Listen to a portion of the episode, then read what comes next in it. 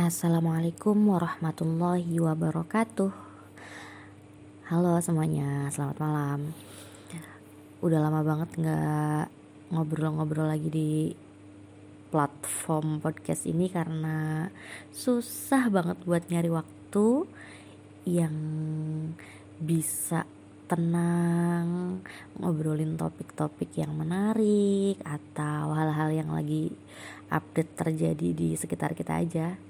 Alhamdulillah malam ini nemu waktu yang pas dan hmm, aku mau ngomongin seputar fikih wanita. Beh. uh, sekali-kali pengen ngobrolin yang harapannya sih harapannya bisa bermanfaat di buat para pendengar. Mudah-mudahan para pendengar bisa dapat ilmu dari apa yang aku sampaikan malam ini. Mudah-mudahan ya, karena uh, dengan ilmu aku yang gak seberapa ini, ilmu yang masih sedikit, semoga bisa bermanfaat dan apa ya, jadi pelajaran lah gitu deh. uh, kalau kita dengar kata fikih wanita itu pasti yang terbersit di pikiran adalah pelajaran atau topik-topik seputar head nifas dan istihadoh ya gak? Karena memang uh, perbedaan yang sangat mencolok pada wanita dan laki-laki dalam hukum Islam itu adalah masalah head nifas dan istihadoh ini. Karena memang laki-laki dan perempuan itu kan tercipta dengan fisik yang berbeda. Perempuan lahir dengan uh, organ reproduksi perempuan lahir dengan keadaan di mana setiap bulan dia mengeluarkan darah lalu dia juga bisa mengandung hamil dia bisa melahirkan. Setelah melahirkan dia mengeluarkan darah lagi dan darah yang keluar setelah melahirkan itu ternyata bukan darah yang sama dengan darah yang dia keluarkan setiap bulan kalau dari sudut fikih. Ya nggak sih? Iya karena uh, itu semua darah-darah yang aku omongin tadi darah mengandung sudah diatur sangat jelas di fikih. Dan karena hal tersebut terjadinya hanya pada perempuan maka dibuatlah fikih wanita kan gitu. Tapi hari ini aku nggak pengen ngobrolin seputar uh, head nifas dan istihado karena memang sudah banyak sekali referensi-referensi yang bisa uh, dibaca oleh perempuan seputar uh, hal ini. Kayak gimana sih cara membedakan head dan istihado gitu loh. Atau kayak misalkan kalau saya ngeluarin darah sekian hari lalu berhenti lalu keluar darah lagi itu namanya head bukan sih? Atau istihadoh nah ini juga saya yakin udah banyak banget yang uh, tahu sudah banyak banget yang menemukan referensi-referensi lain yang lebih mudah difahami. Karena memang menjelaskan head nifas dan istihadah itu butuh waktu yang panjang butuh keterangan yang lama. Itu kenapa aku nggak pengen ngomongin itu. Nantinya lama sekali. Kayaknya nerangin head nifas istihadah juga harus pakai papan tulis nggak sih? Kayak nerangin faroid gitu terus kalau nggak pengen ngomongin itu kita pengen ngomongin apa dong? Nah, aku pengen ngomongin seputar kalau misalkan perempuan itu sudah uh, memutuskan uh, memutuskan bukan memutuskan kalau perempuan itu sudah yakin bahwa darah yang dia keluarkan itu adalah darah isyahado lalu selanjutnya apa? Kan gitu. Ya gak sih? Ini kan sedikit sekali dibahas orang-orang terlalu fokus mempelajari mana yang head mana yang istihadoh orang-orang terlalu fokus uh, menghitung angka-angka di mana darah keluar sehingga angka sekian hari namanya head sekian hari namanya istihadoh sekian hari Uh, boleh meninggalkan sholat sekian hari sholatnya harus dikodok. Orang-orang terlalu fokus memikirkan itu sehingga mereka lupa bertanya Oke, okay, kalau misalkan saya istihadah lalu saya harus gimana? Apakah saya tetap tidak sholat atau saya sholat? Kan gitu. Apakah kalau misalkan saya sholat lalu cara sholatnya itu sama dengan sholatnya orang-orang yang tidak istihadah atau gimana? Iya gak sih? Iya, karena orang-orang kadang sampai lupa uh, bertanya kaifiah atau tata cara beribadah bagi perempuan yang istihado karena mereka terlalu pusing dengan angka-angka yang diterangkan oleh gurunya untuk membedakan oh ini haid ini istihado. Nah malam ini aku mau ngomongin ini, mau ngomongin masalah ibadahnya perempuan yang istihado. ini sebagai referensi aku bacakan kitab I'anatul Tolibin I'ana Tutolibin ini adalah hasyiah dari kitab Fathul Mu'in. Insya Allah santri semua pernah mendengar kitab ini Karena kitab ini adalah rujukan utama eh, Mbak-mbak santri, kangkang santri Buat mencari dalil-dalil fikih dasar Fikih yang fikih sehari-hari lah. Aku pakai I'ana Tutolibin karena jujur di Fathul Mu'in pun tidak menjelaskan dengan khusus seputar istihadah nggak nggak panjang keterangan soal istihadohnya di sini di i'anatul tolibinya juga disebutkan lam yata'arud al muallif lil istihadah wa ahkamiha bil khusus. Muallif atau pengarang tidak menjelaskan seputar istihadah hukum-hukum istihadah secara khusus. Nggak diterangkan di sini. Annal istihadah hiya dam al kharij fi ghairi awqatil haid wan nifas Kesimpulannya, istihadah adalah darah yang keluar di waktu selain waktu haid dan nifas. Nah, ini juga uh, pembahasannya pasti ada di bab uh, perbedaan masalah haid, nifas dan istihadah. Ini bukan topik yang mau aku bicarain sih, cuma aku singgung sedikit aja ya. Jadi sebetulnya yang membedakan antara haid dan istihadah itu bukan dari bentuk darahnya bentuk darahnya sama warnanya merah bentuknya encer darah gitu-gitu aja kan tapi yang membedakan itu adalah waktu keluarnya maka untuk membedakan ini darah head atau istihado kita setidaknya harus mengetahui empat hal yang pertama, kita harus mengetahui usia minimal perempuan boleh mengeluarkan darah dan darah tersebut dianggap darah head. Gitu. Usia minimalnya adalah 9 tahun. Oh, berarti kalau darahnya keluar sebelum usia 9 tahun, berarti itu istihadoh ya gak sih? 9 tahunnya 9 tahun komariatan ya.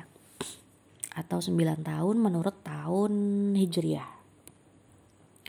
Lalu darah yang keluar harus minimal yaumun walailatun sehari semalam.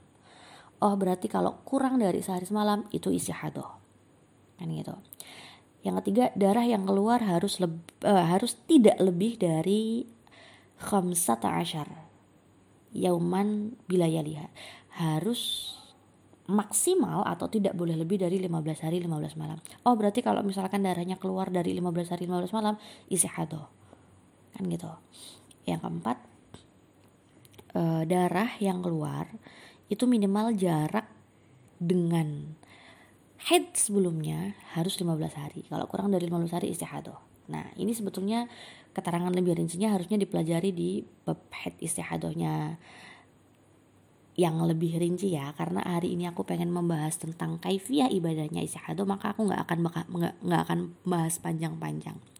Aku langsung bacain aja langsung dari mana mana mana? Oh ini nih. Nggak panjang loh materi yang aku terangin ini paling cuma 6 baris. Wahia wahia utawi istihadah iku hadasun daimun. Nah, ini yang mungkin beberapa orang kurang atau belum mengerti atau mungkin lupa bahwa perempuan yang istihadoh maka statusnya adalah daimul hadas. Kalian pernah dengar nggak daimul hadas? Daimul hadas ini kalau di makna Jawa maknanya adalah wong kang langgeng hadas. Jadi orang yang selalu punya hadas. Contoh lain dari daimul hadas adalah orang yang selalu pipis terus. Apa bahasa Indonesianya beser ya? Beser kalau nggak salah. Jadi dia tidak bisa menahan air seninya untuk keluar dan air seninya itu keluar terus menerus beser namanya beser ya pipis terus daimul hadas nah istihadoh juga termasuk dalam kategori daimul hadas hadasun daimun atau daimul hadas istihado itu statusnya sama dengan orang yang uh, beser maka cara beribadahnya daimul hadas itu berbeda dengan cara beribadahnya orang yang tidak daimul hadas. Cara beribadahnya bagaimana? Yang pertama, daimul hadas. Daimul hadas itu berarti orang yang beser dan juga orang yang istihadoh ya, perempuan yang istihadoh. Daimul hadas itu harus wudhu ketika sudah masuk waktu sholat gitu. Jadi kalau misalkan dia mau sholat zuhur ya, maka dia harus wudhu setelah masuk waktu sholat zuhur. Jadi nggak boleh dia wudhu jam 11 siang terus baca Quran atau apa melakukan aktivitas dulu lalu sampai masuk waktu zuhur setelah masuk waktu sholat zuhur dia langsung sholat itu nggak boleh. Nggak boleh. Jadi wudhunya itu harus setelah masuk waktu sholat. Ya nggak? Ngerti nggak sih? Yang kedua, wudhunya daimul hadas itu hanya berlaku untuk satu kali sholat fardu.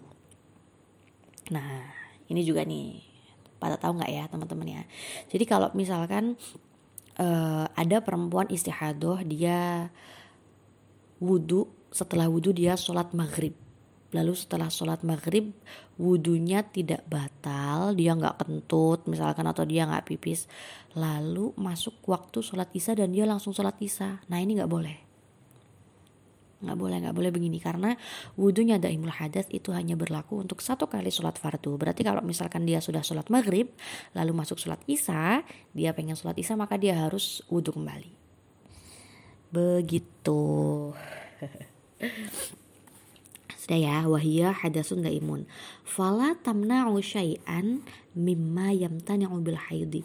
Karena perempuan yang istihadah ini statusnya hanya daimul hadas, bukan uh, mahid atau perempuan yang head, dia boleh melakukan segala sesuatu yang dilarang oleh orang yang head. Ya gak sih? Jadi uh, yang kita tahu perempuan yang head itu kan tidak boleh melakukan beberapa hal seperti dia tidak boleh sholat, dia tidak boleh melakukan hubungan suami istri, dia tidak boleh melakukan ini itu dan sebagainya.